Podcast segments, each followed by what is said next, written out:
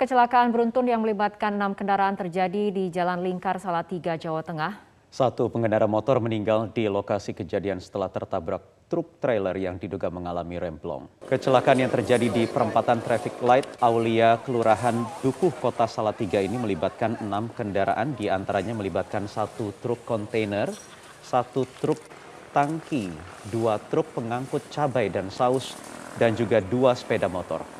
Kasat Lantas Polres Salatiga AKP Arfian Rizky Dwi mengungkapkan kronologi kecelakaan bermula saat truk tangki yang membawa muatan lem yang melaju dari arah Solo menuju Semarang hilang kendali. Truk tangki ini kemudian menabrak kendaraan lain hingga menyebabkan muatannya yang berupa saus dan cabai tumpah ke jalan raya. Akibat kecelakaan ini, satu orang pengendara motor meninggal dunia. Sementara pengendara motor lainnya dan juga sopir truk tangki mengalami luka. Korban langsung dilarikan ke RSUD Salatiga. 736 HK yang memuat lem melaju dari arah Solo ke arah Semarang. Sesampainya di TKP, diduga kendaraan tersebut tidak dapat menguasai laju kendaraannya sehingga menabrak kendaraan-kendaraan yang ada di depannya.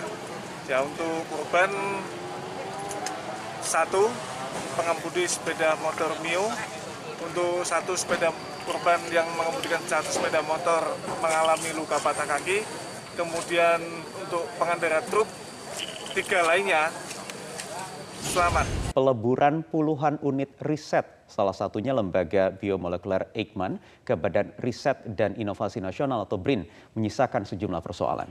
Peneliti non-PNS terancam kehilangan pekerjaan. Foto yang diunggah langsung oleh Lembaga Biologi Molekuler Eijkman ini menjadi salam perpisahan terakhir dari para staf dan peneliti Eijkman yang telah berkiprah di pengembangan penelitian biologi molekuler. Ya, per pekan ini lembaga riset yang dijejak pendiriannya sejak 1888 itu akan pindah ke Badan Riset dan Inovasi Nasional atau BRIN. Sayangnya, peleburan Eijkman ke BRIN ini menimbulkan sejumlah persoalan. Pasalnya, Badan Riset Nasional hanya mau menampung peneliti yang berstatus pegawai negeri sipil atau PNS. Adapun pegawai yang berstatus non-PNS terancam kehilangan pekerjaan. Dileburnya Eijkman ke dalam BRIN kan bukan rencana kemarin sore.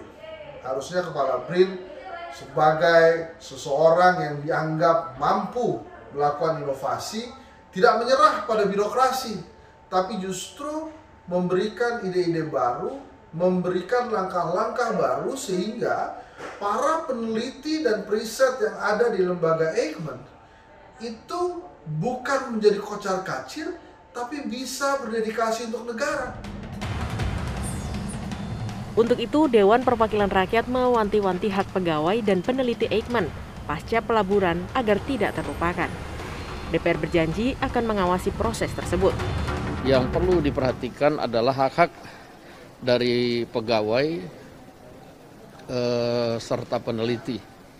Jangan dilupakan hak-haknya eh, dalam hal peleburan ini. Dan kami akan minta kepada komisi teknis terkait untuk melakukan pengawasan dalam peleburan ini. Demikian.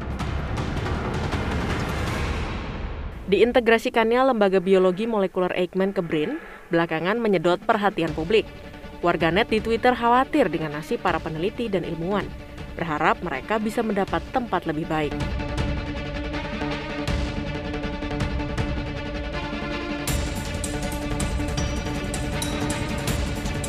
Lembaga Biologi Molekuler Eijkman adalah lembaga penelitian pemerintah yang bergerak di bidang biologi molekuler dan bioteknologi kedokteran.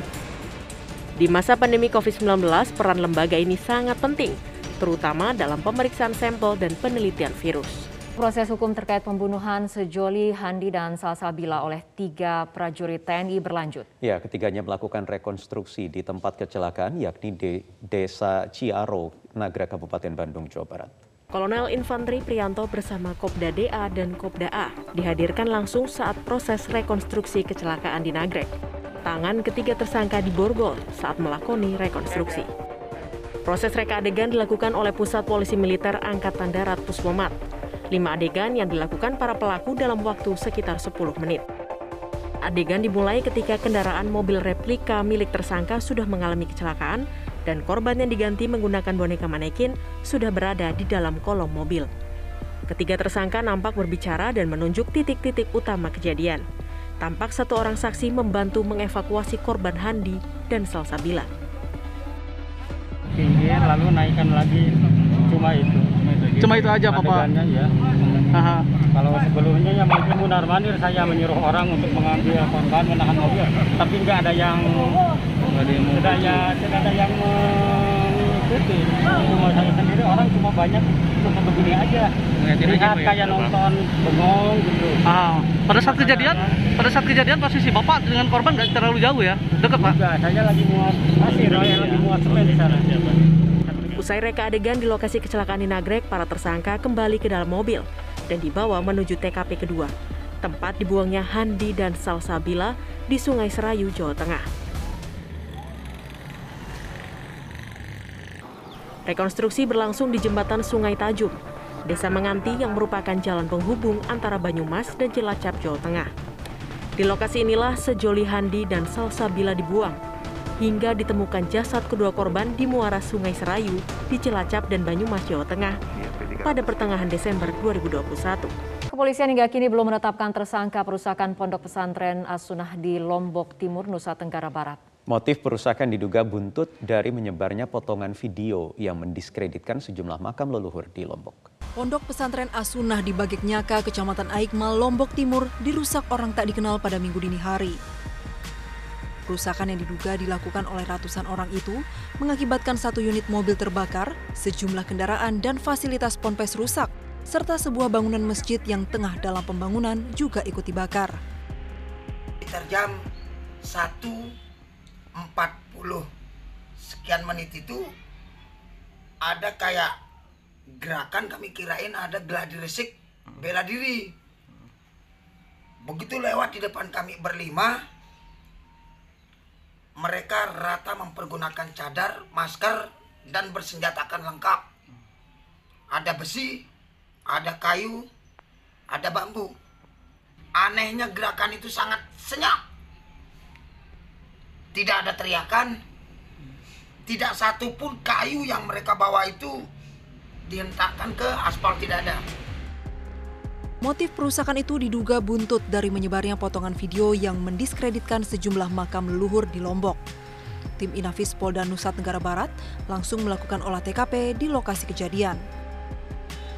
Hingga kini belum ada pihak yang ditetapkan sebagai tersangka perusakan Ponpes Asuna di Lombok Timur.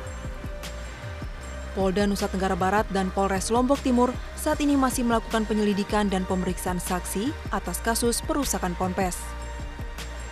Apa yang menjadi penyebab uh, penyerangan atau perusakan tersebut adalah uh, diduga adanya potongan video potongan video yang mendiskreditkan makam leluhur yang ada di Lombok. Sehingga itu yang menjadi diduga menjadi pemicunya masyarakat jangan terprovokasi oleh potongan video tersebut karena itu adalah potongan video mungkin ada sesuatu uh, maksud dan tujuan dari potongan tersebut dan diharapkan masyarakat tetap tenang dengarkan apa yang menjadi arahan daripada Tuan Guru, ulama agar kita tetap. Polda Nusa Tenggara Barat juga meminta masyarakat untuk tetap tenang terkait adanya aksi perusakan Ponpes Asunah. Kepolisian akan melakukan koordinasi dengan tokoh masyarakat setempat dan melakukan pengetatan pengamanan masyarakat pun diminta untuk tidak terprovokasi. Dari Mataram, Nusa Tenggara Barat, Adi Henry, Metro TV. Sementara itu Kapolres Lombok Timur AKBP Herman Suryono mengungkap sekitar 300 orang melakukan penyerangan dan perusakan di pondok pesantren Asuna di Kecamatan Aikmal, Lombok Timur pada minggu dini hari. Saat ini kepolisian masih mengejar para pelaku perusakan. terkait dengan dugaan ujaran kebencian dan kemudian yang uh, yang mana akibat adanya uh, video yang dipotong kemudian disebarkan menjadi viral sehingga muncul gerakan masyarakat uh, malam tadi. Kemudian. Informasinya berapa orang untuk kemudian? Informasi di lapangan tadi jam 2.30 itu uh, kelompok masyarakat ini kurang lebih 300-an orang melakukan penyerangan di Pondok. Pelatih cabang olahraga biliar Sumatera Utara, Hairudin Aritonang melaporkan Gubernur Sumatera Utara Edi Rahmayadi ke Polda Sumut terkait dugaan pencemaran nama baik. Pelapor merasa dipermalukan dan dijewer Edi Rahmaya di beberapa waktu lalu. Pelatih biliar Sumatera Utara Herudin Aritonang mendatangi gedung sentra pelayanan kepolisian terpadu Polda Sumut untuk melakukan pelaporan atas nama Gubernur Sumatera Utara Edi Rahmayadi. Hairudin melaporkan Edi Rahmayadi atas kasus pencemaran nama baik.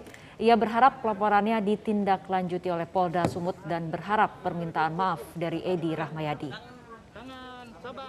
Sebelumnya beredar video viral Gubernur Sumatera Utara Edi Rahmayadi memanggil pelatih biliar Sumatera Utara ke depan podium. Edi kemudian memarahi dan menjewer Hairudin. Pelatih biliar tidak terima dengan tindakan Edi tersebut karena dianggap mempermalukan dirinya di hadapan umum. Harapannya ya diproses dengan baik sehingga ini menimbulkan rasa keadilan lah bagi saya. Mungkin itu aja bang. Nanti segala sesuatunya nanti masih ada pintu yang terkait somasi bang? Insya Allah sampai sekarang bang. Kita masih membuka itu. Masih membuka itu kalau beliau juga hadir. Anak pertama legenda Persija Jakarta Bambang Pamungkas, Jen Abel diperiksa oleh penyidik Polda Metro Jaya. Pemeriksaan ini terkait dugaan kasus penelantaran anak yang dilakukan oleh Bambang Pamungkas. Jen Abel mendatangi Polda Metro Jaya hari Senin sebagai saksi pelapor. Jen yang merupakan anak pertama legenda Persija Jakarta dan juga Timnas Indonesia Bambang Pamungkas diperiksa penyidik hingga pukul 13 waktu Indonesia Barat. Jen menyebut kedatangannya untuk memberi keterangan terkait dugaan tindakan penelantaran anak yang dilakukan oleh Bambang Pamungkas atau yang akrab disapa BP. Dalam pemeriksaan yang berlangsung singkat, Jen Abel mengaku dicecar pertanyaan mengenai hubungan ayahnya dengan pelapor.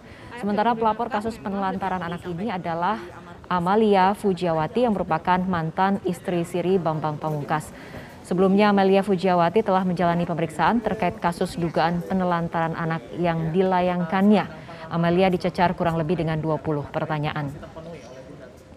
Bambang Pamungkas sendiri telah pensiun sebagai pesepak bola profesional setelah gantung sepatu. BP kini menjabat sebagai manajer klub ibu kota Persija Jakarta. Seputar ayah dan bunda. Lebih ke hubungan ayah dan bunda gitu. Mm, dan ada adik-adik juga. Oke.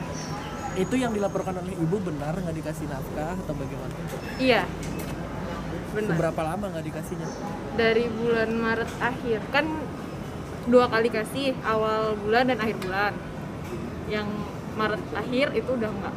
Uh, Anjani dan anak adik laki-lakinya itu memiliki hubungan hukum dengan saudara Bambang Pamungkas. Kemudian Bambang Pamungkas dihukum untuk memberi sebenarnya bukan dihukum ya, tapi bahasanya seperti itu di amar putusan uh, untuk memberi nafkah sebesar 7 juta per bulan dan memberikan kasih sayang uh, berupa komunikasi dan ya kasih sayang lah. Oke, berarti kalau itu dipenuhi laporan ini bakal dicabut ya? Uh, ya kita lihat kalau dia benar-benar bisa apa ya maksudnya tuh um, memenuhi. memenuhi lah dan berjanji ya semuanya itu tertulis lah. Meski belum berhasil membawa pulang trofi juara Piala AFF ke tanah air, Pratama Arhan berhasil membuat Indonesia bangga dengan prestasinya. Arhan yang lahir dari keluarga sederhana didaulat menjadi pemain terbaik Piala AFF 2020 dan kini menjadi pemain masa depan Timnas Indonesia atau skuad Garuda.